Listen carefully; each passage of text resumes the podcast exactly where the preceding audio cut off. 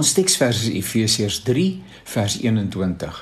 Aan hom kom die eer toe in die kerk deur ons verbondenheid met Christus Jesus deur al die geslagte heen tot in alle ewigheid. Ons gesels ietwat oor die merkwaardige samelewingsverband waarin ons die voorreg het om te behoort en wat die kerk van Jesus Christus genoem word. Kerklike lidmaatskap is nie kaartjie of vorm gedrewe nie. Ek sluit nie by die kerk aan soos 'n mens by 'n sokkerklub aansluit nie. Jy voltooi nie vorms nie en word dan 'n lid verklaar nie. Geen vorm kan jou deel maak van die kerk nie. God maak jou deel van sy kerk deur die misteriese werking van die Heilige Gees. Ons onderskei verskeie stappe in die geloofsproses. En die stappe is net ter wille van 'n beter verstaan, want daar is nie 'n tydskedule wat daarmee saamloop nie. Hierdie goed gebeur op God se tyd, gedrewe deur sy Gees. So praat ons van roeping, die inwendige en die uitwendige roeping. God wat na ons roep deur sy woord en Gees. En ons ervaar hierdie roepstem aan die binnekant, maar ons sien dit ook in die mooi skepping. Hoe dikwels hoor 'n mens nie dat iemand wat byvoorbeeld by daai pragtige God's window besoek af lê sê, maar daar moet 'n God wees nie.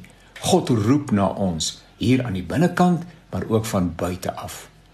Dan is daar die wedergeboorte. God verander ons harte sodat ons op sy roepstem kan antwoord. Daarop volg die bekering. Ons hoor die stem van die Here en ons antwoord daarop. Draai ons rug op die sonde en besluit om hom te volg. Daar is geloof. God skenk aan ons die geloof om hierdie pad saam met hom te stap. Geloof is 'n gawe van God.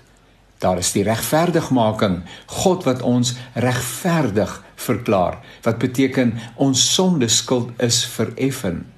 Heiligmaking. Ons integreer God nou in elke dag se lewe. Ons lewe vanuit die verhouding wat ons met hom het en hy met ons het. Dan is daar die volharding. Ons loop doelgerig en volhardend op hierdie nuwe pad.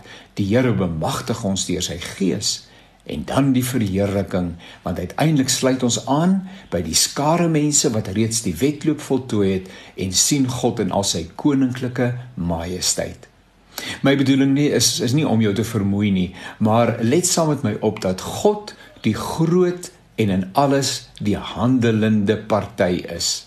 Dis altyd eers hy dan ek. My respons is altyd 'n antwoord.